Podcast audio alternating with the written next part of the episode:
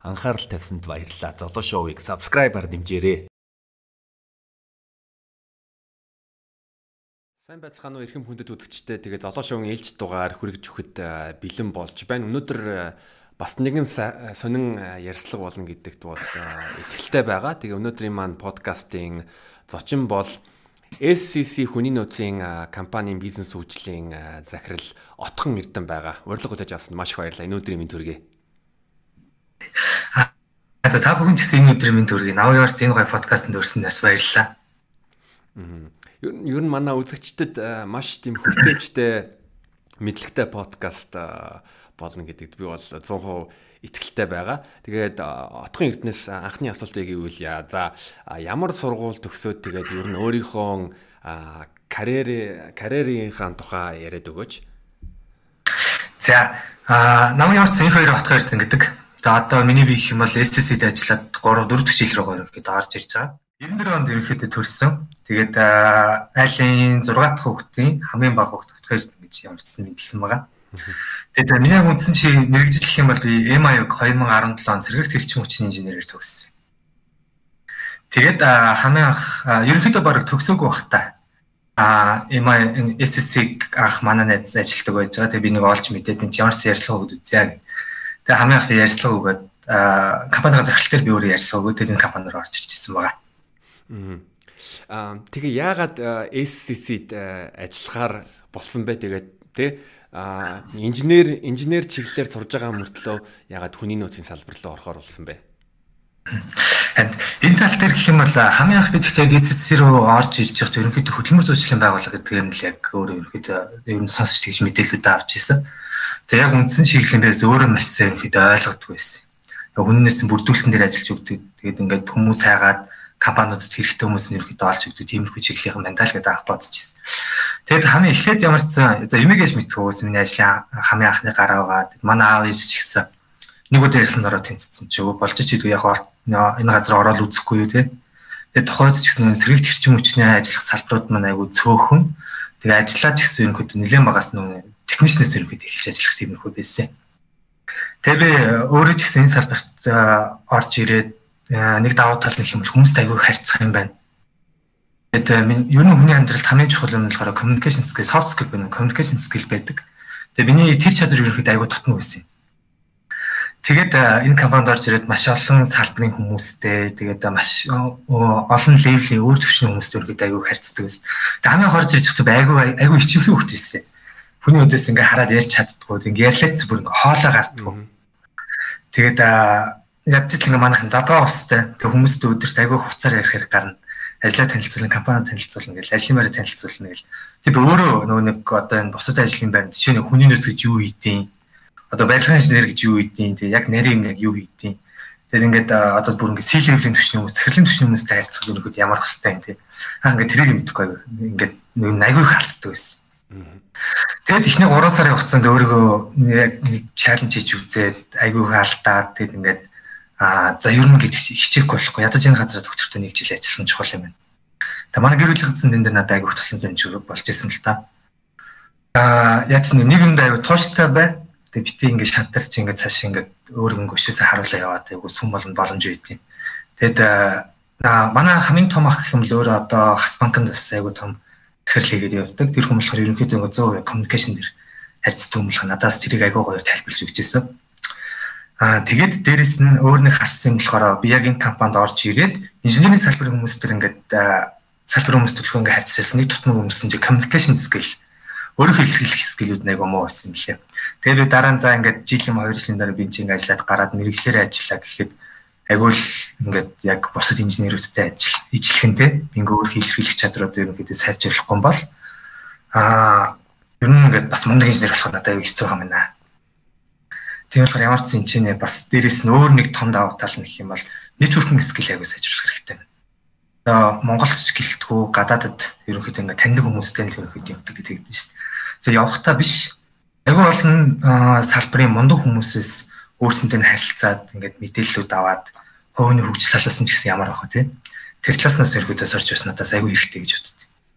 А тэгээд төрийн таануудаас асуусан. Аа яг ажлын гараа гэж эхлүүлсэн дээ гэдэг. Миний хувьд юм бол яг миний ажлын гараа 2007 онд ашсан. хамгийн их манай аав болохоор өөрөө ерөнхийдөө геолог хүн. Өөр ингээ баг ахалч аягүй хөдөө гадаа явдаг гэсэн болохоор ерөнхийдөө миний зуны амралтаар наваа ингээд шууд аа хөдөө гадаа авч яваад тэр нэг геологийн ажлын туслах ажилтны ингээ хийж явдаг. Тэрээс тэнцээ ингээд өөрөөсөө ахичны хүмүүстэй аягүй холбогдож ажилладаг. Тэр бас дээрэс миний энэ ажлын нэг хэсэгтэй жоохон холбогддог гэх юм уу багаас нь communication skill ерөнхийдөө суулгаж гисэн. Тэгээ тэрний дараагаар би 2012 онд 10 жилийн төгсөөд их сургуульд ордог жилдээ би болохоор юу байсан нэг газар одоо хүмүүс айгуу сайн мэддэг болсон шүү одоо Гомб Баатар гэдэг MCC яг өөрсдийнхний байгуулдаг яг Central Door-ын нэг давхарт байдаг тэр газар би ойролцоогоор 4 жил орчим ажилласан. Өө за. Тэр бас дараа нь тийм тэр бас дараа нь болохоор миний communication skill аягүй сайн сайжруулж гисэн. Ер нь ингээд хийж исэн ажлууд одоо бодогдохтой аягүй communication аягүй явж исэн. Энэс аягүй нэмэр болсон болов гэж боддог байхгүй. Тэгээд тэр дундор болохоор оюутан солилцоогоор бас 3 сарын хугацаанд Америк руу явж сурч исэн. Тэр бас миний англи гадаад хүмүүстэй бас ерөнхийдөө бас би тэр 3 сар хугацаанд ажилласан л та. Гадаадууд аягүй нээлттэй байт юм байна өөрсдөө карьер өслөгд яаж явуулдаг вэ гэхээр ингээд дандаа яг өөр өөрсдөө эхэлж сонсоод тэгээд ингээд туртай юм дээр ингээд одоо их сургуулийн суралцж байгаа хажуугаар ингээд одоо богино хэмжээний онлайн сургалтууд ч юм тэрэнд ингээд яваад өөрийгөө хөгжүүлснээс айгүй чухал шүү гэдгийгс надад хэлсэн ойлгож өгчээсэн. Тэгээ бас өөр нэг чухал юм болохоор би ингээд өөр амьдралаа 3 сарыг Америкт очиход бүх юм надад 100% шилтгалж байгаа ажилласаа явахгүй юм бол одоо мөнгө заалж чадахгүй. Дээрс нь чи нөгөө түрээс гэдэг юм уу бас ингээд баригддаг болохоор бас манай менежмент ч гэсэн баг багсаас нөлөөлсөн л тоо. Тэгээд хамгийн сүүлд 2016 оны 100 аа гайд гайд хэлмэрчээр ажиллаж ирсэн. Тэгээд тэрэн дээр болохоор бас яг гэрийнхнээс хол сар гар аа хоёр айгуу том групп хэмжээний аяллыг офс баян үйлгийн аймгаар өнөхөд явж Монгол орны асуудалгаа гадаадуудад бас тэрийг танилцуулсан л да. Тэгээд тэрэн дээрээс миний хамгийн чухал ойлгосон юм хүмүүс нөгөө нэг юмыг тайлбарлаж ойлгуулж ингээд өөрсөнд нүлтэх нь аягүй чухал юм байна. Гэтийг тэрийг бас аягүй сурч байна. Тэгээд тэрний дараагаар яг би 2017 оны 10 сарын 1-нд яг SCC-д орж ирээ ажилласан байна. Тэгээ одоо SCC-д бизнес хөгжлийн захирлаар ажиллаж байгаа. Тийм. Яг SCC-д ороод тэгээд жилийн эхний жилээ яг би дуусгачаад тэгээд тэр хугацаанд ингээд ерөнхийдөө бүтрэх юу юу дагих олон байсан л та. Тэгээ сэргээр хичээгээл харин харин яг ажлынхаа гол утга учир нь болохоор би хүмүүст агиух тусалж тусалж байгаа тусалж байгаа юм байна. Тэгээ хүмүүс ингээд ажилд оруулаад дараагийн карьертай нь холбож өгөөд хэрэгтэй мэдээллүүдийг өгөөд ярилцлаганд нь бэлдээд тэгээ хамгийн чухал нь яг тэр хүн ингээд нэг газар шинэ одоо opportunity буюу боломжийг нээж өгөөд тэгээ тэр хүн ингээд тэнцэнэ хамгийн гол ингээд ажиллаад ажиллаад явж байгаа надад буцаад хариу өгч байгаа. Тэрэндээ айгу баяртай байгаад. Тэгээд 18 оны 10 сараас хойш ерөнхийдөө инженерийн баг ахлах гэж томилогдоо. Дээрээс нэг гайхчих магадгүй тийм. Үнэн нөөцийн байгууллага яагаад ингэ инженерийн баг ахлах гэж яг юу хийх юм бэ гэдэг. Тэн дээр л манай яг одоо рекрутерийн баг буюу борлуулалтын багийн дотор ингээд дөрв хэсэг туваагдаад арай жоо нэг имцэгцэнд одоо орж ирж байгаа юм.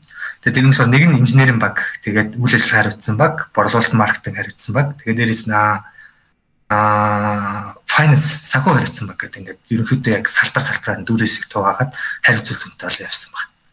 Мм зөв. Тэр нөө бизнесийн захирлаг дээр хувьд болохоор сая яг энэ сарын 1 сарын 1-ээс ерөнхийдөө эхэлж байгаа. Одоо л бас менежментийн төвчөнд гарч ирж байгаа гэсэн үг байхгүй юу? Тэгэхээр 2000 2021 онд бол хүчтэй эхлэлтэй байсан байна. Амжилт үсэ. Нилээ хүчтэй. Тэгээд бол энэ удаагийн ингээ подкастт ерөнхийдөө энэ л минь анхны яг туршлага байгаа өмнөөс янз бүрийн подкаст юм газраас ерөнхийдөө ярьсан гэж үзэж байгааг ярьслаа гэж. Ингээ experience sharing тал руу гэсэн үг шүү дээ тий. Оо та бас чамтай бас яг анхны подкаст хийж байгаадаа би бол өөрөө маш баяртай байгаа. Тэгээд хоёлаа Монголын хөдөлмөрийн зах зээлийн тухай ярий. А энэ энэ энэний өмнө би бас нэг хідэн сонирхолтой фактууд уншия гэж бодож байна. Манай бас сонсогч нарт сонирхолтой байна гэж бодож байна. Аа. За ер нь манай Монголын Монголын одоо ажилчдын 41% нь бол худалдаа үйлчлэгээ мөн бас хөдөө авахуд ажилтг юм байна. Намайг бас ер нь нэг жоохон тийм гайхшруулсан зүйл гэвэл ер нь дээд сургууль төгсөгчдийн 40% нь ажилгүй байдаг.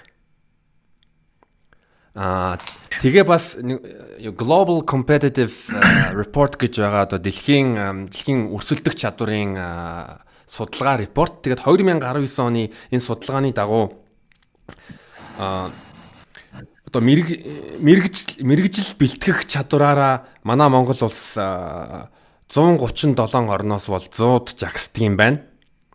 Харин юуны төгсөгчдийн ур чадвараар бол дэлхийн орнуудаас ер нь 119-т жагсдаг юм байна. За энэ бас мэдээ энэ мэдээнүүд бас ер нь нэлээд чухал мэдээ гэж бодож байна. Аа Тэгээд отгон эрдэнэ маань ер нь манай Монголын хөдөлмөр хөдөлмөрийн зах зээлийг ер нь юу гэж юу гэж яаж харж ийн Тэгээ бас энэ энэ мэдээнүүдийн мэдээнүүд дээр бас өөрийнхөө үзэл бодлоо хэлвэл бас сонирхолтой байна гэж бодож байна. Тэ. За баярлалаа. Тэгэд энэ үед гэх юм бол яг одоо яг өөрөө ч нөгөө хэлж байгаагаар биз төгсөгчнүүд 40% ажлын байрг байгаа гэдэг. Тэр нь хамгийн чухал юм яг нөгөө нэг миний би бас нэг хэсэг биш ээ. Намаг коучинг яг өөрийнх нь бас подкастыг сонсчод энэ дээрээс аягүй товчхон байдлаар аягүй гоёор харилж. За мэрэгжил сонгох хамгийн чухал юм болохоор мэрэгжил сонголт гэж байдаг. Бид нэр их сургуулаа төгсөөд. Тэгээд тэрэн дээр болохоор яг нэг чухал нь өөрийгөө аягүй сайн сонсох, өөрөө яг юунд туртай бай тээ.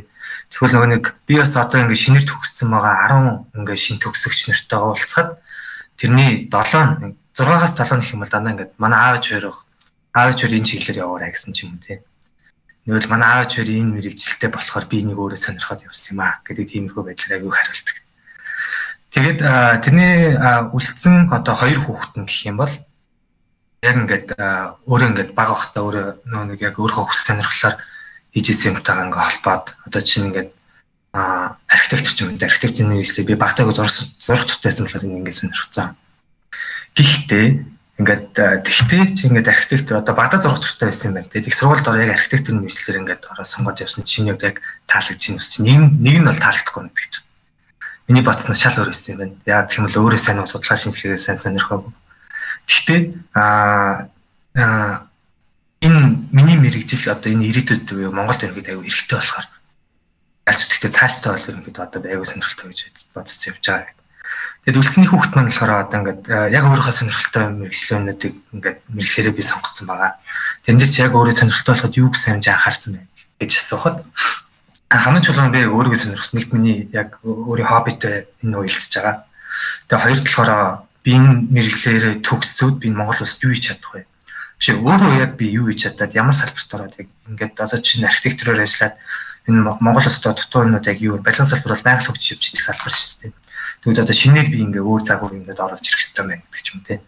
Тэр төлөв өмнөдийг өөрөө аягүй сайн судалсан байгаад өөрийгөө аягүй сайн сонсцсон байгаа тэр хүмүүс аягүй амжилттай байх карьераа бас өөртөө тавьж ийн гэсэн үг байхгүй. Аа. Тэгээд тэрнийг өөрөөх нь хэлсэн судалгаа байгаа. Одоо чи хөдөө аж ахуйд бас 50% нь ерөөд ажилт байна гэдэг.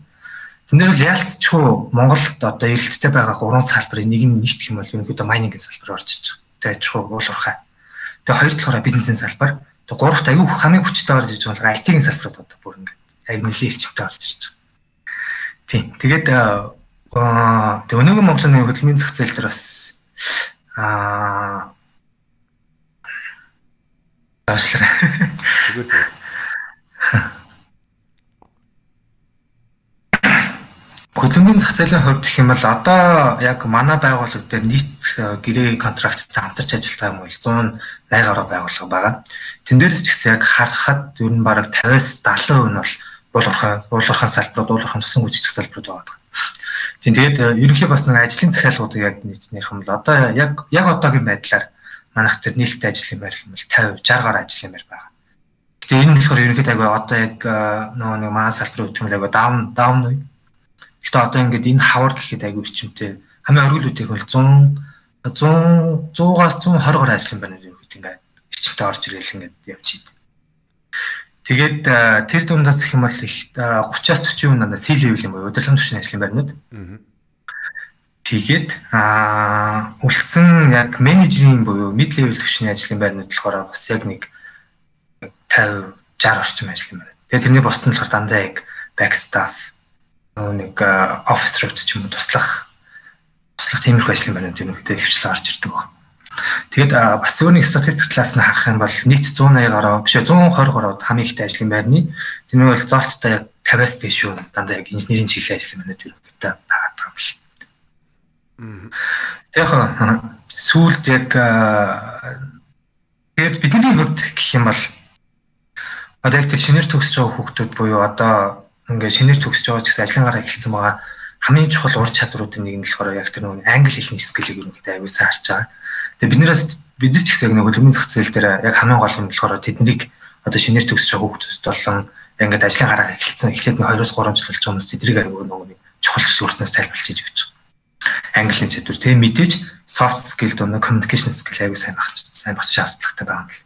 Бүх салбарт инженеринг ч байсан гэсэн уул уурхаан салбарч бизнесийн салбарч гэсэн тэгээд IT-ийн салбарч юм дээ тэгээд бүгд.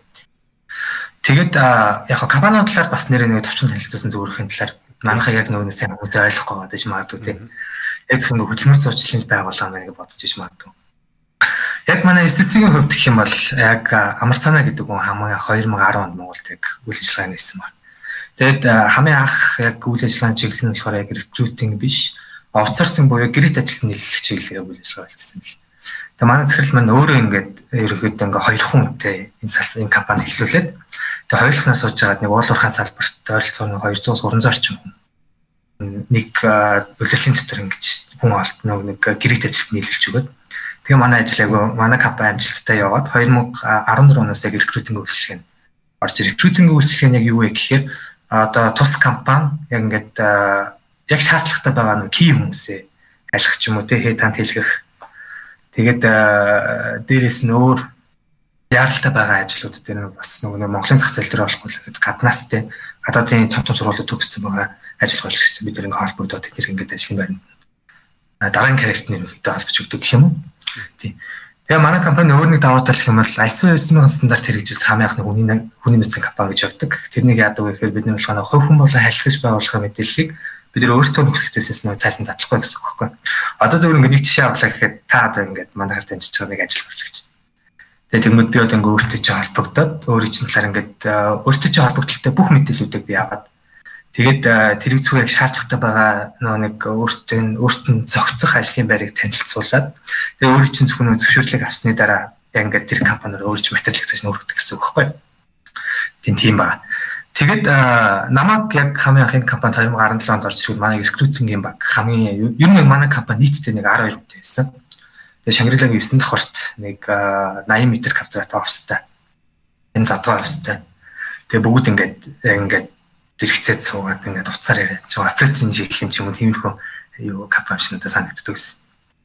Тэгээд ихтэй аа тухайд бас манайх нэг 50-аас 70 яг харилцагч байгууллагуудтай Тэднэрээс ингээд тогтмол ажлын байгаад бид нэр яг тэгж хамтарч ажилладаг байсан. Тэгээд сүүлд 2019 оны 2 сараас бид нэр Японд салбараа нээсэн байна. Японд салбараа нээхдээ хам нөө Tech Giants буюу айгу том том компани IT-ийн ч гэсэн IT тэгээд дээрэс нь Satellite буюу нэг сансрын одоо нөгөө хиймэл дагуул үйлдвэрлэдэг компанитай. Тэгээд дээрэс нь Amazon-тай Amazon зэргийн компанид ингээд хамтраад одоо яг амжилттай ажиллаж явж байгаа л да. Тэгэхээр яг одоогийн байдлаар гэх юм бол манай компани дотоод нийт ажилт нь 41 ажилтнтай болсон байгаа. Тэрээс манайх өөрсдөө шинэ офстой болсон. Шинэ шир офстой. Тэгээд манай офсын одоогийн байдлаар 300 300 гаруй метр квадрат. Өөртөө бас дотроо шир офстой болсон байгаа. Тэр офстой бас яг нэг стартап нөгөө нэг үйл ажиллагаа эхлүүлж байгаа компаниас одоо тэр ингээд ширлээд сууж ажиллаа болтгоо гэсэн үг.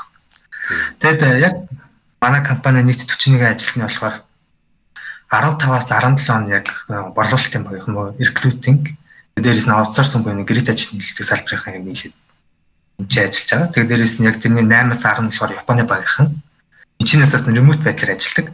Тэгээ Японд бас мэдээж бас нөгөө нэг э, манай одоо тэр амар санаа захирал болон Дани гэж шинэ партнер. Аа тэр хүмүүс болохоор Японы хөл ажиллагааны компани удирдах авч явж байгаа. Тэгээд манай компани бас яг бас нэг өөрөө байдаг. Тэр нь болохоор яг зөв үнийг зөв ажлын байна гэсэн үүрэгтэй бид нэр ажиллаж байгаа. Тийм. Тэгэд тэр нэг одоо учир нь яг юу гэх юм бол бид нар одоо ямар нэг хүнийг ингээд дараагийн карьертай ингээд амжилттай холбоод хамгийн гол нь тэр хүн хаппи байх юм бол биднес тэргүүлээд бас өөрөө өгж өгдөг нэг тийм сайкл маягийн бас энэ чи яваад байдаг хөөхгүй.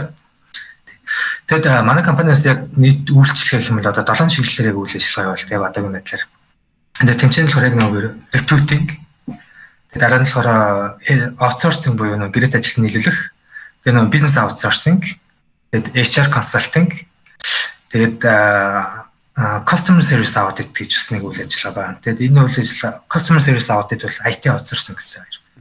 Энэ хоёрыг болохоор бол өнгөрсөн жилээсээ гаргаж ирээ би яг үйл ажиллагаа эхлүүлэх явуулсан чинь корона гараад ирсэн. Тэгээд хамгийн сүүлд нь болохоор outplacement буюу одоо ингээд урт олон богино хугацааны төслүүд дээр ингээд төслүүд дээр ажиллаад амжилттай ажиллаад дуусгаад яг дараагийн процесснуудаа яах вэ гэдэг тал дээр биднээс хамтарч ажилладаг.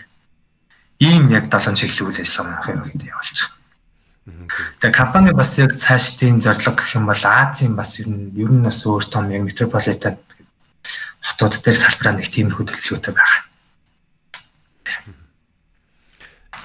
За энэ мэдээний уучлаарай. Энэ мэдээний дагуу бас нэг мэдээ хэлье.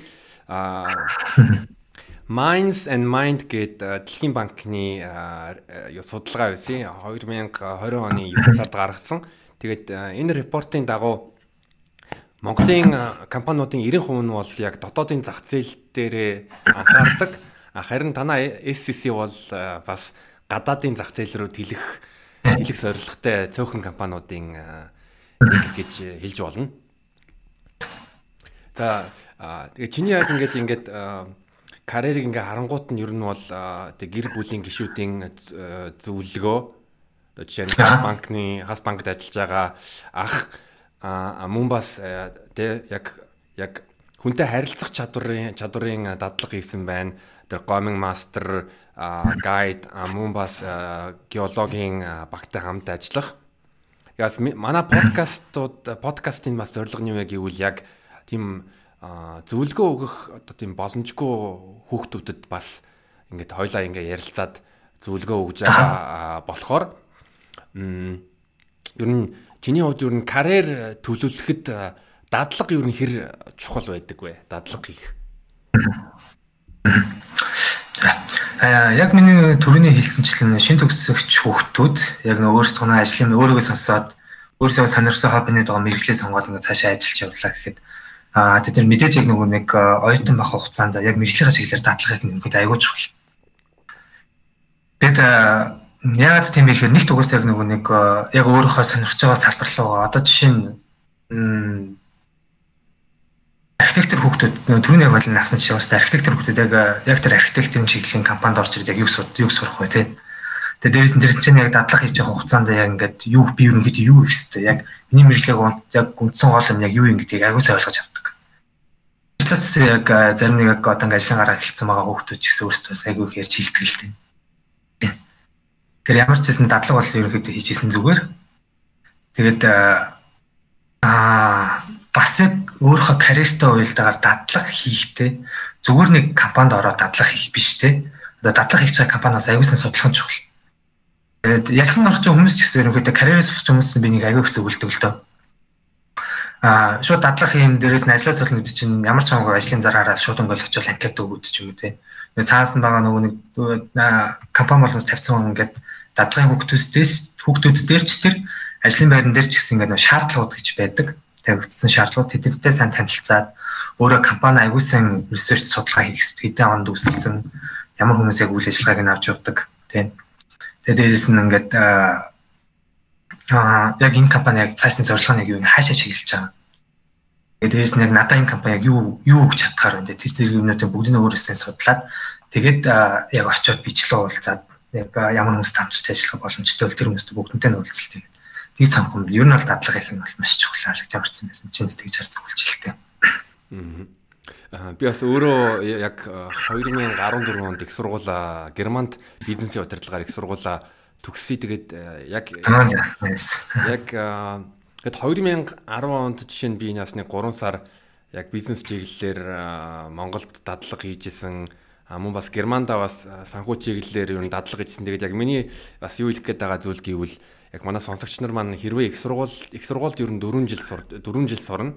А тэр 4 жил юм бол ер нь бол 400 байна гэсэн үг. Тийм болохоор 100 амрахын тий зугаалаад амрахын оронд бас цаг алдалгүй дадлага дадлага хийгээд тэгээд илүү давуу талтай болно гэдгийг л анхааруулмаар байна. Тий.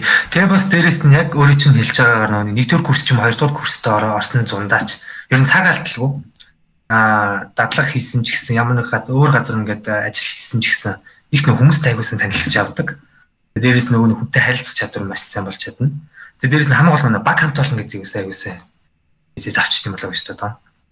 Тэгээд зарим нэг бас нөгөө нэг тиймэрхүү оюутнууд ч ихсэн байдаг. Одоо нэгдүгээр курсээ төгсөөл яг өөрөөх нь хэлж байгаа нэг ихний зундаа дадлага хийж байгаа.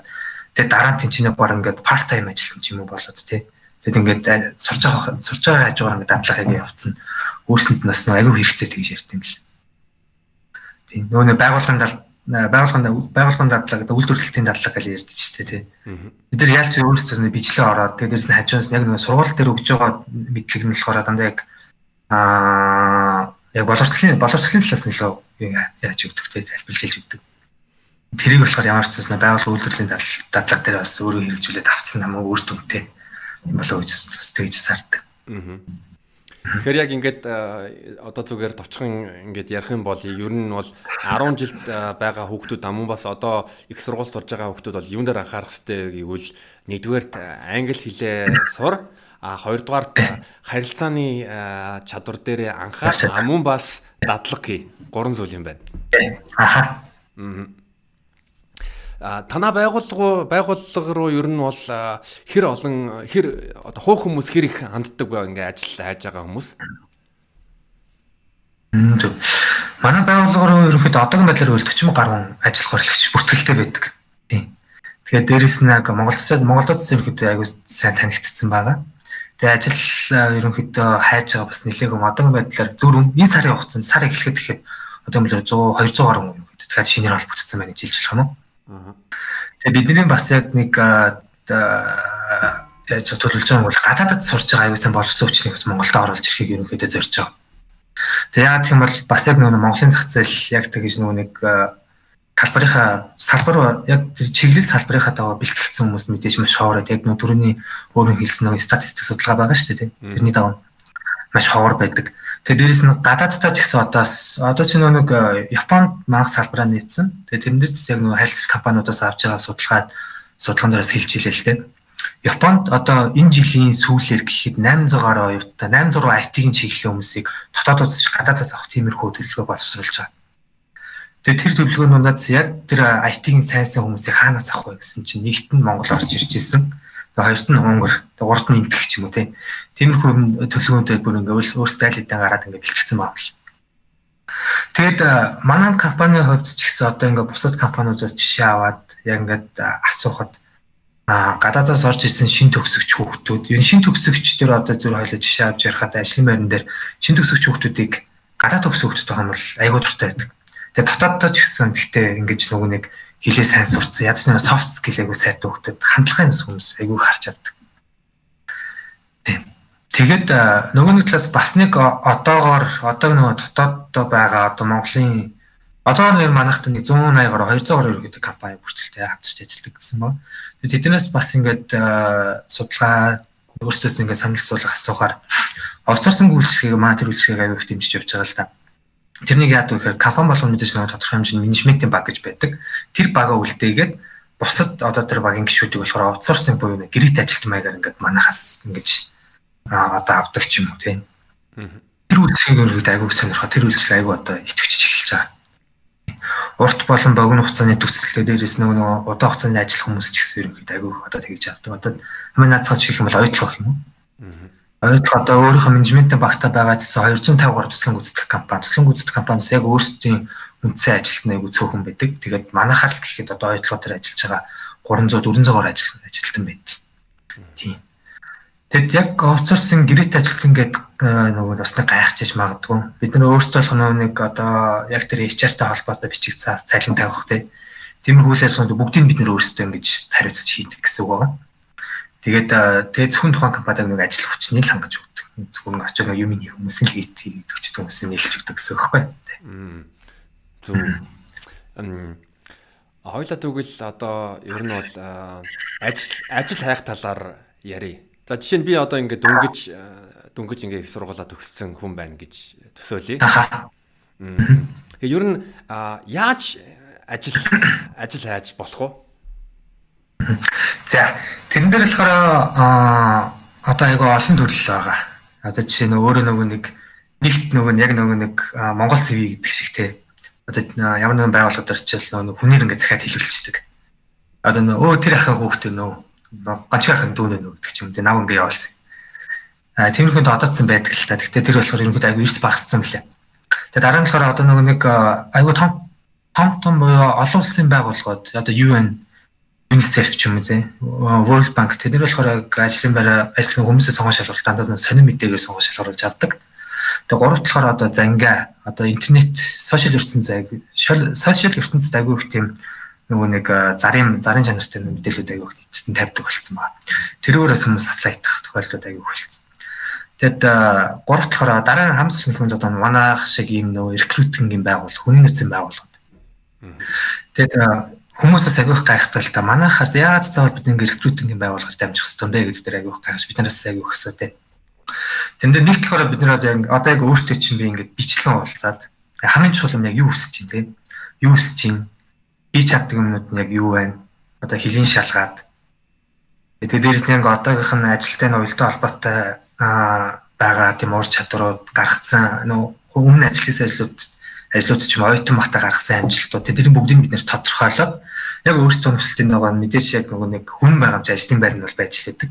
Тэгээ тийм өөрийнхөө хүсэж байгаа уялдаа холбоотой ажлын байранд бид нар ингэж танилцуулаад цааш нь танилцуулж өгдөг байна. Тийм.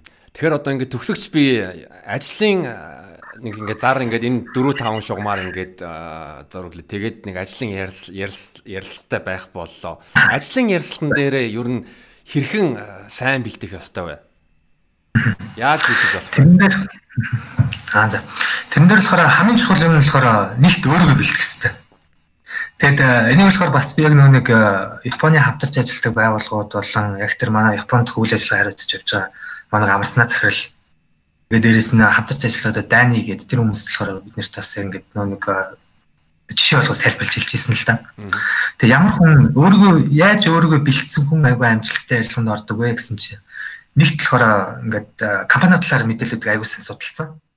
Хоёр талаараа яг тэр өөрийнхөө тухайн апплайцсан ажлын байр байранда нөгөө уйлдж байгаа ур чадвар өөрөө яг чаддаг юмуд нь юу вэ? Тэгээ дээрээс нь өмнө яг тэрнтэй оюутан байх хугацаанд тэрнтэй холбоотой амжилтууд юу гаргасан бэ? Тэгээ дээрээс нь тэрнтэй холбоотой ямар сургалтанд сурсан бэ? Тэднийг бүгдийг ингээд бэлтгэж хэрэгтэй. За гуравт хамгийн чухал юм нь болохоор а нойроо аягүй сарсан байх хэвээр. Тэгээд дээрэс нь а яг их биш яг тэ нөгөө нэг баг жишээ тодорхой хэмжээгүй ингээд хоол идсэн, бие бэлтцсэн. Тэгээд гуравт болохоор яг ингээд өөртөө биеийг ингээд эвтэйхэн тийм casual утсан гэсэн аягүй чухал юм л. Тэгэхээр тэ дээрээс ингээд нөгөө ярьцлаганд ороод бас яг ярьцлага авч байгаа хүмүүсийн хамгийн чухал юм мэдээж үгүйс нөө танихгүй хүмүүс төр орж ирж байгаа. Тийм болохоор яг өөрөө ингээд толон тараад ч юм уу те ярьсан дах хүмүүсийнхаа бас мэдээлэл жоох авцсан байлаа гэхэд тэрнийхээ дагуу ерөнхийдөө би ямар үнэтэй ярих чагаа мэдсэн байлаа тэрний дагаас өөрөө жоон бэлтгэсэн байгаа ч. Тэгээс нь сандарлаа сандарлаа арилгахгүй бол нийтлэг хүмүүсийн гаргадаг алдааг бол ороод аягүй их сандардаг. Сандарснаас болоо мэдээлэлүүдтэй мартдаг. Тэгээд бас нөгөө нэг body language нь бие хэлэмж яг ингээд нөгөө зих суугаад eye contact буюу яг ингээд а одоо жишээ нь 2-оос 3 таарсч бол ингээд ээлжлээд ингээд би нэр ингээд нүдрүү нараад ч юм уу те. Бас яг нүдрүү биш юм аа гэхэд ингээд дух нүд хоёрын гол ийш нь яг завшлаа. Яг харцаа өрөнгөд төвлөрүүлээ тэгэж ярих юм бол өөртнөөс арай аваад гэж тэгж ярьж л. Зарим хүмүүс нь ч гэсэн бүрсэн ингээд чихрэмч юм уу те. Тэдэс нөгөө амны харьцаг үгээ бүгдийг маш сайн тод хэлэх хэрэгтэй. Гэт ингээд нарийн юмнууд бол ерөнхийдөө маш их гэдэг юм л. Тэгээ магадгүй энэс нэр айгүй сонирхолтой байж магадгүй. Олон дэлхийн төвшин буюу одоо жишээ нөгөө би бас энэ өөрөө уншиж судалж байсан юм л та. Google компанийхаа яаж ингээд ажлын ярилцлага авдаг вэ гэсэн чинь бүр ингээд тусдаа стандартын дагуу шилэн өөрөө гаргацсан байдаг. Тэгээд ингээд мэдээж ингээд стандарт ингээд хоёр хүний хоорондох зай тодорхой байдаг. Тэгээд ингээд гол нь тавьсан байгаа ширээ ширээ заавал шилэн ширээ байдаг. Тэгээд тэрнээс гадна тэрнийх нь камер тавьсан байдаг. Тэгээд тэр нь яг ямар учиртай юм бэ гэхээр нөгөө нэг шилэн ширээний дор хүмүүс ингээд гараа нөгөө нэг ингээл янз бүрийн оролдол хийдэж шүү дээ. Тэр л хүний санаарлын нэг хэлбэр гэж ямарс тэгж хардаг. Тэгээд камер тавьсан шалтгаанлаа тэр хүний нөгөө нэг body language бол нэг бие хэмжүүд нэг аюулсан анхаарт юм. Дараа нь дахиж олон дахин давтаж үзэж. Тэгээд яг стандарт нь бол ерөнхийдөө тийм байт юм л. Тэгээд бас Америкт болохоор аа бас яг би нөгөө нэг олон улсад бас би нэг хэсгээс рекрут хийж исэн байхгүй юу. Тэгэхээр бас ингээ айгуу туршлагатай 20 гаруй жилийн туршлагатай хүмүүст бас ингээ мэдээж нөгөө нэг ажлын ярилцлаганд нь бэлдээд юу яад гэдэг ингээ өөрсөндөө ингээ ярьж байгаа хугацаанд тэднээс нэг хэлж өгч ирсэн. Америкт жишээ нь хэд нэг хүн одоо ингээд IT-ийн чиглэлээр сурдаг хүн байлаа, ажилтдаг хүн байлаа гэхэд 3 жилийн туршлагатай байлаа. За би ингээд ирэх жил би заавал Amazon руу орно. Бол яг би юу бэлдэх хэрэгтэй вэ гэхэд өөрөө нөгөө интер интервью скиллээ сайжруулахын тулд тэр хүн жилд 3 удаа зоолттой ингэж ажлын ярилцлаганд орж үздэг. Өөрийгөө туршиж журмаар. Тэгэд тиймэрхүү одоо үднэс ч гэсэн би одоо шин төгсөгч хүүхдүүд дээрээс нь адилхан ажлын гараагаа эхэлсэн дараагийн компани солихчоо дараагийн карьер эхлэх хүмүүст яг тийм зөвлөгөөнүүд үс айгүй таа. Тэгэд хамгийн сүүлд нь хэлэхэд бас самын чуулганд expectation management-аас айгүй чухал байдаг. Нөгөө тухайн хүлээлтийн менежмент. Одоо тэрний хамгийн жижигэн жишээ нь юу вэ? Одоо өөрсдөө ч асууя л та тийм. Ямар нэгэн газар ороход ороход ингээд өөртөө чи ингээд тохирохгүй тийм ингээд компанид ч ямар нэг тийм муу хүмүүс идэг тиймэрхүү нөхцөлөг одоо өөрөө яаж хандл хийх вэ? Өөрийг ч өөрсөж асуух. Энэ шалтгаал нь жишээ нь э, одоо миний дээр ажиллаж байгаа одоо гүйцэтгэх захиралч юм эсвэл ахлах менежер надтай ингээ муухай хацаад байх юм бол э, ер нь ер нь бол би э, энийг яаж шийдэх вэ? Ер нь би хэрхэн нөлөөлж чадах вэ гэдэг дээр анхаарна. Одоо жишээ нь тэр нь компани эзэн байвал тэгвэл би мэдээж ажиллаа солихыг бодно л доо. Гэхдээ энэ бол амар юу юу тийм кейс шалтгаална гэж бодож байна. Тий. Ягаад гэвэл бас миний анхаардаг зүйл юу вэ гэвэл а хэрвээ би альва нэг байгууллаганд ажилд орох юм бол ер нь яг өөрөө чинь өмнө хэлжсэн юм шиг тэр компани зорилго нь ямар ямар юм байна юу идэг юм байна тэгээд ямар багтай ажиллах юм бэ энэ бол маш чухал а тэгэнгүүт нь ер нь бол яг ямар удирдлага доор ажиллах вэ? Ямар удирдлага дор би тэр хүмүүстэй нь одоо юу зогтож чадах уу юм сурч чадах уу? Намайг бас зүүн зүүн одоо манлайлаад удирдаад авч явах чадах хүн байна уу? Надад одоо шин скиллийг минь чад скиллийг шин шин одоо чадвар нэмэх чадвартай хүмүүс байх уу Тэгээ бас хуух хүн нэлээд шалтгаална да. Ягаад гэвэл урт хугацаанд хамт хамтраад ажиллах болохоор би бинийгаа ойлго би бинтэйгээ ойлголцож чадах уу чадахгүй юу өндөө юм байна ер нь бол. Харин тэр нь аягүй чухал тий. Тэгэхээр хамгийн чухал юм болохоор тэр хүн өөрөх нь хувийн амьдралаа өөртөө чи холбоод яг ингээд янз бүрийн тийм ууртай ч юм жоохон ойлгомжгүй тийм их асуудал гараад тах нь бол тэрнээс аягүй чухал тий. Тэрийг ерөнхийдөө яг дарагтайгаа ч юм уу одоо энэ хавт ажиллаж байгаатай өөрөөс сүлд орсон мэл уулзаад яг ингээд өөртөөс нээлттэй ярих юм бол аягүй зүгээр юм. Гэхдээ яг яагаад expectation management гэж байгаа угаас ямар ч юм дээр хүлээлт тавиад бол хэрэггүй. Өөрөөс миний нэг хувьдаас баримтлагдаг нэг ирээдүйд ирээдүйд гэдэг л угаасаа хаасан тий ингээд жишээ зүгээр ч яг бол маргааш хэд байна байгаа ч үгүй ч. Тэр талаасаа тэр нэг expectation management гэдэг нь аягүй чухал би хүм боломжсон гэж нэг хэлж тайлбарлаж өгд. Тий. Тэг би бас нэг юм хэлье. Ер нь битэрийн подкаст бол мөнхөд үлдэнэ. Нэрээ тий. Тийм тэгээд тэрний дараа хэм шин төгс манайх дээр нэрээ бас өөрсдөө шин төгсөгч хүмүүс айгүй их орж ирээ гэж тэгж ирдэг л дээ. Тэгээд манай компани талаар бас нөө зарим хүмүүс айгүй их нөө ярьдаг тарах тэр хүмүүс амар их орж гараад байгаа харагдаад их юм. Тэр яг юунаас болт юм бол гэд. Манай компани нэгт юм шин төгсөгч хүүхдүүд биднэрт айгүйх нээлттэй. Тэг манай компанид ажилласны нэг одоо давуу тал нь гэх юм бол Монголын зах зээл дээрээс одоо өөр бас одоо бэлэн байгаа нэг юм бол Японы зах зээл. Дээрээс нөгөө айгүй олон хүнтэй харьцаж сурч байгаа communication skill биднэрт айгүй сэн суулгаж өгч байгаа. Дээрээс нь networkтэй хүний амьдралд угаас хизэж танил хизэж илүүддэг нэтворкгүй танилцал аягүй өсөж өсгөж юм. Тэдээс өөрийнхөө дараагийн карьерийг төлөвлөх боломжууд аягүй их олдож орж ирнэ. Ажлын байрнууд одоо энэ ажлын байрнуудыг яадаг ажлын байрнууд энэ ажил дээр одоо ажиллаа гэхэд яг юу бийсэн сурч чадах юм. Хүндээ юу эрэхтэй тэрийг аягуулсан мэддэг болж байгаа. Компаниудын талаар аягуулсан мэддэг болж байгаа. Дээрээс нь хүний хүнээс ч гэсэн аягүй санаа зарим талаас аягүй санаа зовдөг болчихдог байхгүй. Тий. Тий. Тэгээд аа өөр нэг юм гэх юм бол нөгөө бид нар яг одоо яг нийтлэг агиг ашигладаг юм ашигладаг платформ боيو. Ерөнхийдөө бид нар агай их ашигладаг нь болохоор нэг LinkedIn-ийг агай ашигладаг болсон байна. Одоо тэгтээ яг зөвхөн биднэрт ихтэлгүй дэлхийн нийтэд ашигладаг болсон байна. Тэгээ LinkedIn өөрөө гэх юм бол яг 2003 онд хамгийн их байгуулагдсан платформ юм лээ. Тэгээд энийг яг манайхтай ижилхэн бизнесийн байгууллага буюу рекрутингийн байгууллагууд агай их ерөнхийдөө ашигладаг. Тэгэд рекрутинг энэ дээр тэгээ бас нэг яг меншн хийсний тэгээ рекрутер ч нь яг бас үндэс яг үүсэл юм байс өөрөө судалж утсан байхгүй. Тэгэд ханаах 1300 оны дундуур яг рекрут гэдэг нь анх үүссэн юм лээ. Дон болон нэтгэг тэгээ дээрэс нь Америкийн яг нэг Америк биш Англид яг яг ашиглаж эхэлж байсан. Тэгээд энэ хамаахыг яаж ашиглагдсан бэ гэсэн чинь цэргүүд ингэж илсүүлж явах маягаар тэнийг рекрутэж анх авч ирсэн бэл. Энэ нэрчлэл болохоор рекрутинг буюу head hunt гэж хэлдэг юм лээ. Тэгээд тэрний дараагаар аа яг интернет гарахаас өмнө буюу 1991 оноос яг өмнө газрууд болохоор яг өөрсдөө сонин сэтгүүлэг агиуг ашиглаж ингэж нөгөө нэг рекрут хийдэг байж байгаа. Тэгээд 91 он хамгийн анх интернет яг үүссэн үүсч бий болцсны дараагаар ингээд сошиал ертөнцид юу яг бас ажлын зараг ингэж тавьж өгдөг болсон ба.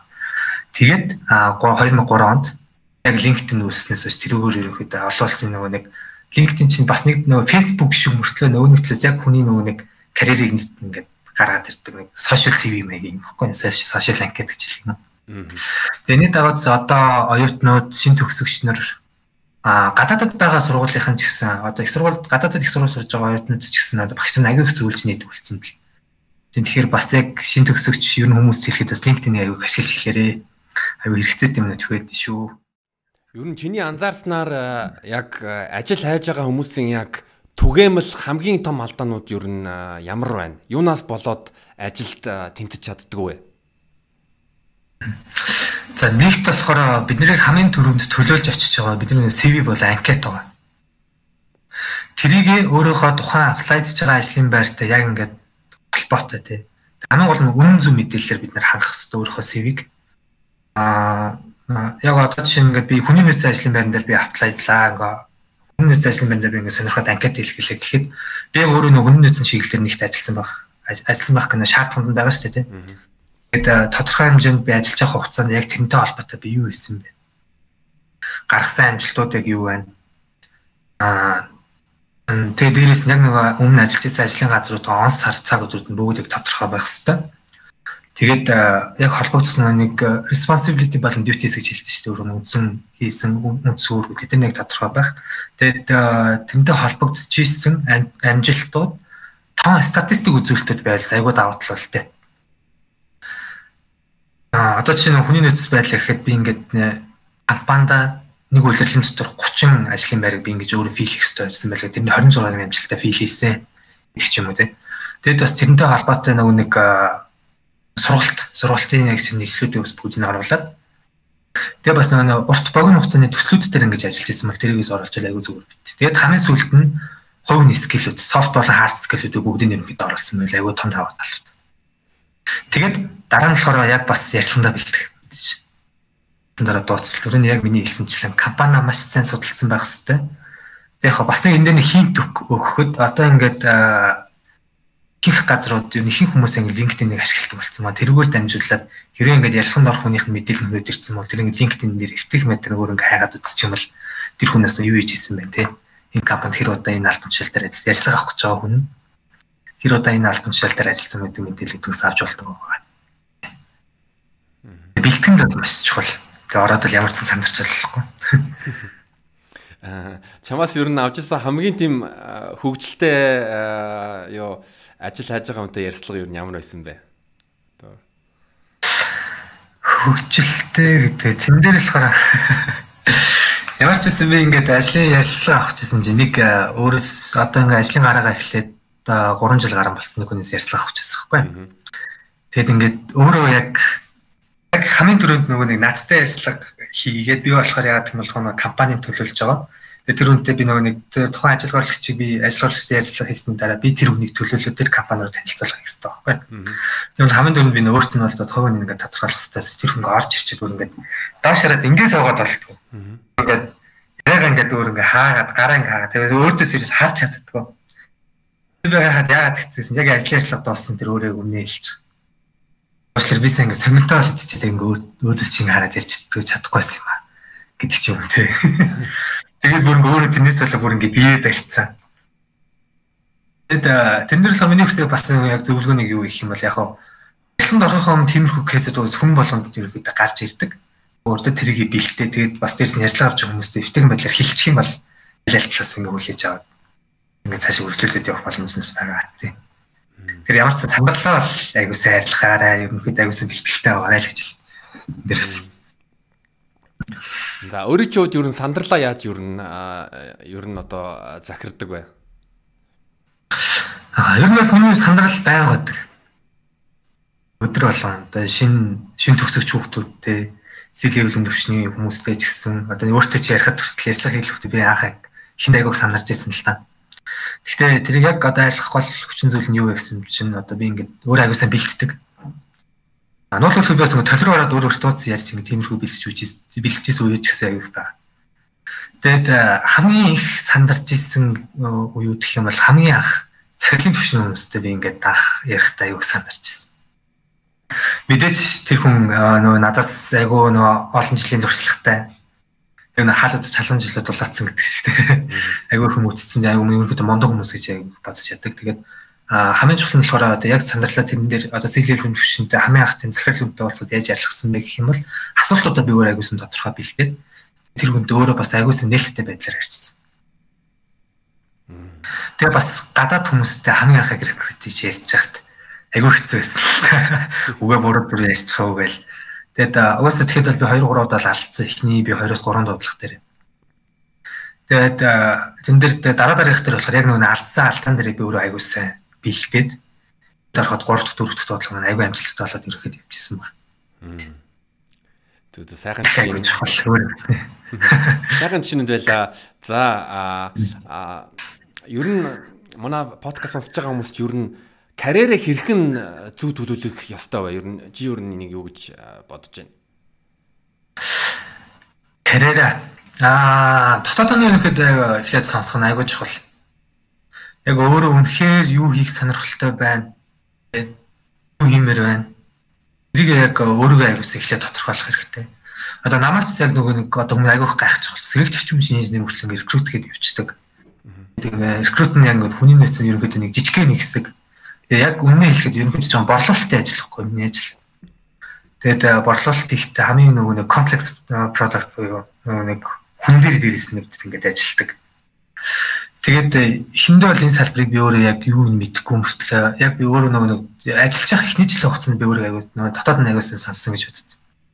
Хүнтэй ингээд тулж харьцаад хүнээс би мэдээлэл авахаас гадна аа би одоо дотоод нь сонсож байгаа шүү дээ тийм Дээрс нэг хүнд ингээд туслаад яг дараагийн ажлын байр нь ингээд амжилттай ажлын байран дээр ингээд олоод өглөө гэдэг айгу том юм байна. Энэ яг миний нэг дотоод хүн болоо. Дээрс нь тэгээд би энэ ажилд ингээд айгу орлож эхэлсэн л тээ. Тэгээ өөрийн бодол тэгээ дээрс нь яг өөрийнхөө сонирхол тэднийг айгу сайн чухалч үзсэн чухал. Тэгээ оюутан бах хугацаанд бас яг нөгөө миний ажлын карьер энийг гэж би бол ерөөдөө хэлэхгүй. Яг тэр нэг Гомбатар зөөгч хийжсэн, гайдаар ажиллаж исэн, гадаад явж ажилласан гэдэг тэдэрт айгүй олон хүнээс ингээ холбогдож ажиллаж байхдаа бас тэр хүмүүсээс хамтарч ажиллаж ирсэн нэр гадны нөлөөний хүмүүсээс айгүй сонсч ирсэн бас эрэхтэн болоо гэж ерөөдөө тэгж бодож байгаа. Тэгээ заавал бас нөгөө нэг аав ээж намайг ингэж явуулсан тэгж бас сонсоод сонсох яг хэрэгтэй л аав ээж нар хэрэгтэй мэлдэг. Гэтэл яг ер нь нэгт өөрийгөө тавьсан л гэж болох юм. Аа. Одоо ингээд коронавигаас болоод ингээд зарим ажлын салбарууд маань хэцүү маш хүнд байдалтай байгаа. Жишээ нь тэгээ аялал жуулчлал одоо энэ зун жишээ 400 сая жуулчид ирч чадаагүй байгаа. Монголд.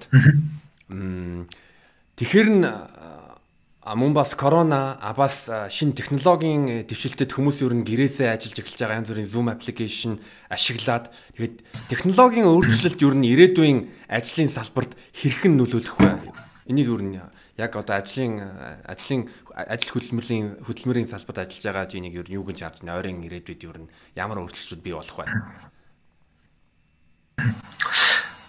Айгуу гоё асуулт байна.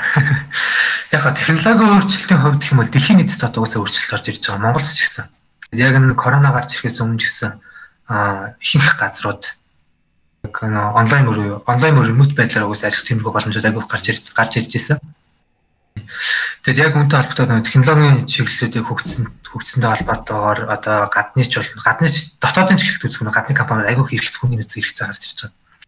Одоо чи нэг Монголоос яг гадаад руу ажилтдаг одоо 10 IT-ийн IT-ийн чиглэлээ 10 хүний 7 нь ерөнхийдөө яг ингээд гатгаж байгаа хэлтэй ажилтдаг тиймэрхүү одоо зөв чинь хэд тиймэрхүү юмнаас айгүй байдаг л та.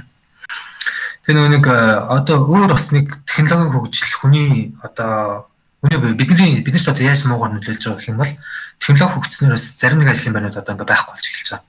Одоо чинь Японд гэхэд ингээд нөгөө нэг robot нөгөө artificial intelligence буюу хиймэл оюухан аюу хөгжөөд эхэлсэн чинь аа хамгийн түрүүнд арилсан ажил нөгөө нэг алга болсон ажлын байр нь гэх юм бол аа тогоочийн ажлын байр ерөнхийдөө ингээд роботоор орлуулж эхэлсэн. Тэгээ яагаад гэж юм бас чи нэгт яг робот яг нөгөө өөрөө тогооч хийснээр давуу тал нэг мэдээж нь хоолны хэмжээ наалдагдахгүй хамгийн чухал нь над наалдагдахгүй гэдэг ч юм уу те. Тиймэрхүү жишээнээс ерөнхийдөө аягүй гарч ирсэн байна. Тэгээд яг бас миний нөгөө түрүүний хэлжсэн технологийн хөгжилтэй холбоотойгоор ихэнх орнууд яг нөгөө нэг IT-гийнхаа баг бүрэлдэхүүнийг нь IT-тэй холбоотой ажил мэнүүдийг бүр ингээ аягаа өргөжүүлж эхэлж байгаа.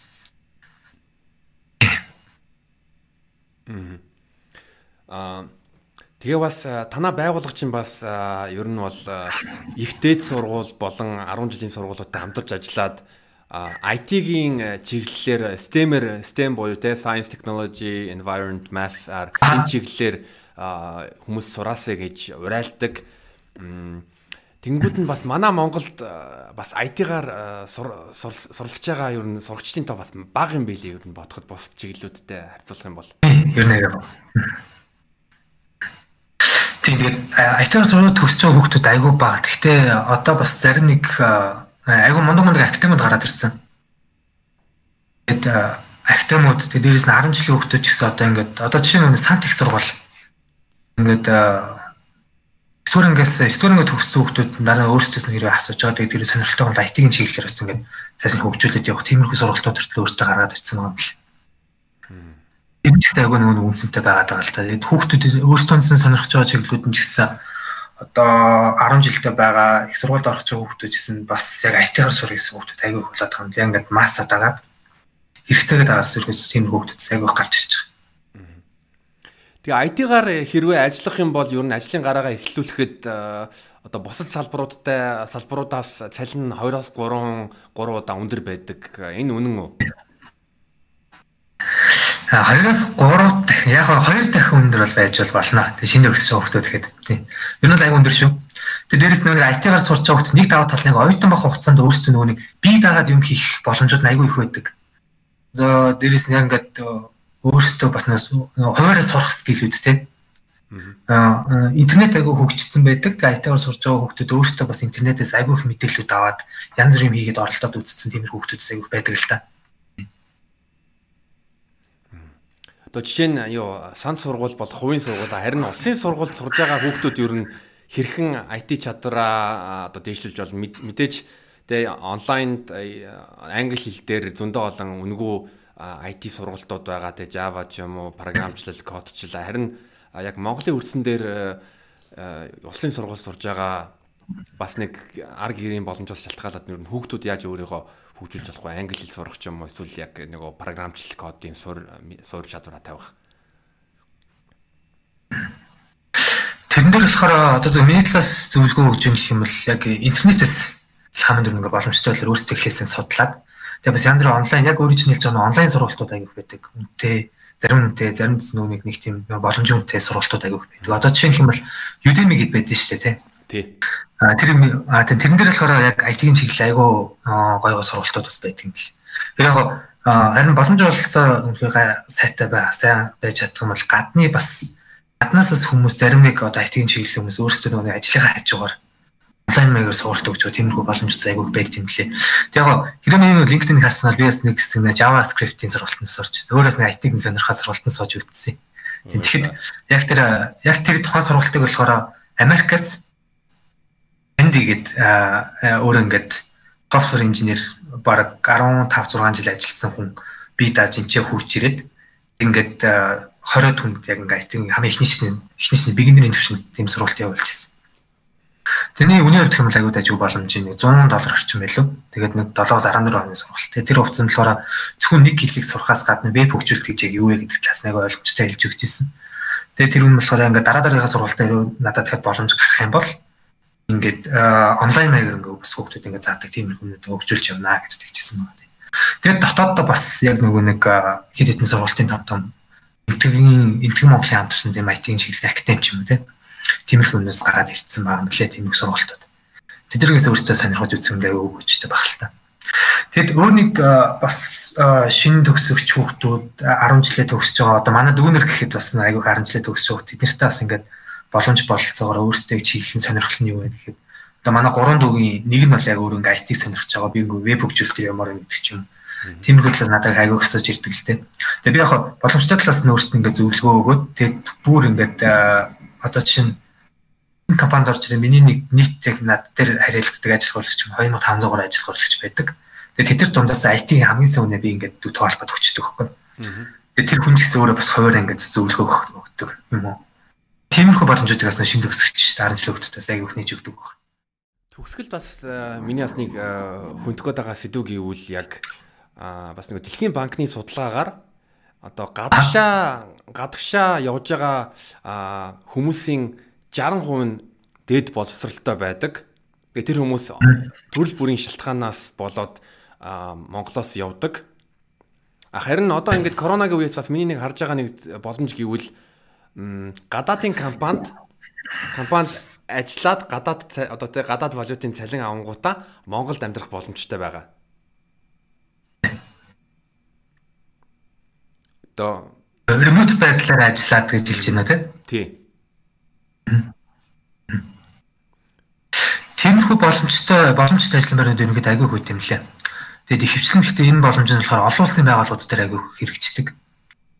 Тэгээд зөвхөн яг гадны одоо гадны тэм олон улсын байгууллагууд дээр урт болон богино хугацааны төслөөр төслүүд дээр ремонт байдлаар ажиллаад ажиллаад ч юм уу тийм гадны валютаар цалинжлах цалинжих боломжууд айгүй өндөр байгаа. Дээрс IT-ийн салбар хүмүүс ч гэсэн тийм байгаа ч гэсэн Монголдо одоо дотооддоо яг ерөөд уул уурхайн салбарын тус тиймэрхүү боломжууд айгүй гарч ирд юм л. Мэдээж цалин үний нүүн амьдрал айгүй чухал л та. Гэхдээ аа шинээр төгсөж байгаа ч юм уу яг нөгөө мэдлээ дөнгөж ингээд ажлын гараа эхлээд 2-3 жил болж байгаа юм болохоор миний нэг хэлэхэд томхол заавал нөгөө цалин баригдах хэрэггүй. Айл болох ингээд боломжтой өөрөө сонирхлынхаа чиглэлд ингээд явал сонирхлынхаа чиглэлээр ингээд хөгжүүлээд явж чадах юм бол одоо тэр хүн нэг ихэнх компаниуд өөрсдөөс нөгөө нэг KPI-ээр урамшуулж бонус өгч 13 дахь цалингийн бонус. Тэгээ зарим нөгөө борлуулалттай холбоотой үйл ажиллагаатай компани болохоор борлуулалттай нөлөөлсөн бонус гэдэг бүгдийг өөрсдөөс нь 100% шилтгаалж байгаа тиймэрхүү боломжууд агиух гараад ирсэн байгаа даа байхгүй юу. Тийм болохоор яг тэрнтэй холбоотойгоор заавал яг цалин гэхгүй. Ерөнхийдөө тиймэрхүү их цалин одоо нэг мөнгө авах боломжууд яг өөр өөрөөс нь шилтгаалаад тийм авч явах боломжууд ерөнхийдөө газрууд зөндөөс нийтлэлттэй гараад ирсэн байгаа. Тэгээд яг нөгөө өөрийнх нь хэлснээр болохоор нөгөө гадагшаа яг тэгж гадны валютаар нөгөө нэг цалинж ажиллах тиймэрхүү боломжууд байгаа ч гэсэн тэд нар болохоор нөгөө янз бүрийн шаардлага айгүй өндөр байдаг. Жишээ нь хэл дээр гэхэд одоо нөгөө IELTS IELTS-ийн оноо нэг банд нэг бол overall ч юм уу 8 8 оноотой жиж нөгөө гадагшаа ингээд ажиллааны асуудалгүй явна. Дээрс нь тентэн ойл датац нөгөө нэг цаад гадны олон улсын байгууллагуудад тавьж байгаа ажлын байрны шаардлагууд нь бас айгүй өндөр байдаг ч юм уу тийм. Тийм үү байна. Зүг. За тэгээд төгсгөлд э, магадгүй миний нэг асуугаагүй асуулт байж э, болно. Яг э, өөрөө бас манай подкаст сонсож байгаа хүмүүст яг юу хэлмээр байна? Аа, ажлын байрны хувьд төр бүгд яг дотоод нь аягуулсан сонсоод, зорилгоо аягуулсан тодорхойлоод тэгээд яг аа зөвхөн хэрэгцээтэй компани дээр ерөөдөө холбогдож энэ тэр ажлын байраа сонгоорой Тэгээ дээрээс нь бидний лөө хязгаарч гэсэн ерөнхийдөө холбогдож болно. Тэгээд манай компани вебсайт юм бол www.scc гэмэн гэж байгаа. Тэгээ манайх тэр ингээд манайх тэр ажилтдаг бүх хүмүүсийн контактууд нээлттэй байдаг. Хязгаарч гэсэн холбогдоод манай Facebook-ийн пэйжээр ч гэсэн ерөнхийдөө холбогдоод нээлттэй ажлын байр болон карьерийн талаас зөвлөгөө авч болно шүү. За маш их баярлалаа. Тэгээд э, манай сонсогч нарт бас э, хүртээмжтэй сайхан подкаст болсон гэдэгт бол итгэлтэй байна. Тэгээд бас чамд бас сайхан илэн талангуу ярилцсанд маш их баярлалаа. Энэ бүтэнсэ өдрийн орой те бас хувийн цагаад зориулаад бас надтай ярилцсанд бол маш их баярлалаа. Тэгээд чамд болон танаа байгууллагад аз жаргал сайн сайхныг хүсэн өрөөе. За баярлалаа. Өөр чинь ч гэсэн өөрхөн баг хамт олон ч гэсэн баярлалаа. За баярлалаа. За баярлалаа. За баярлалаа.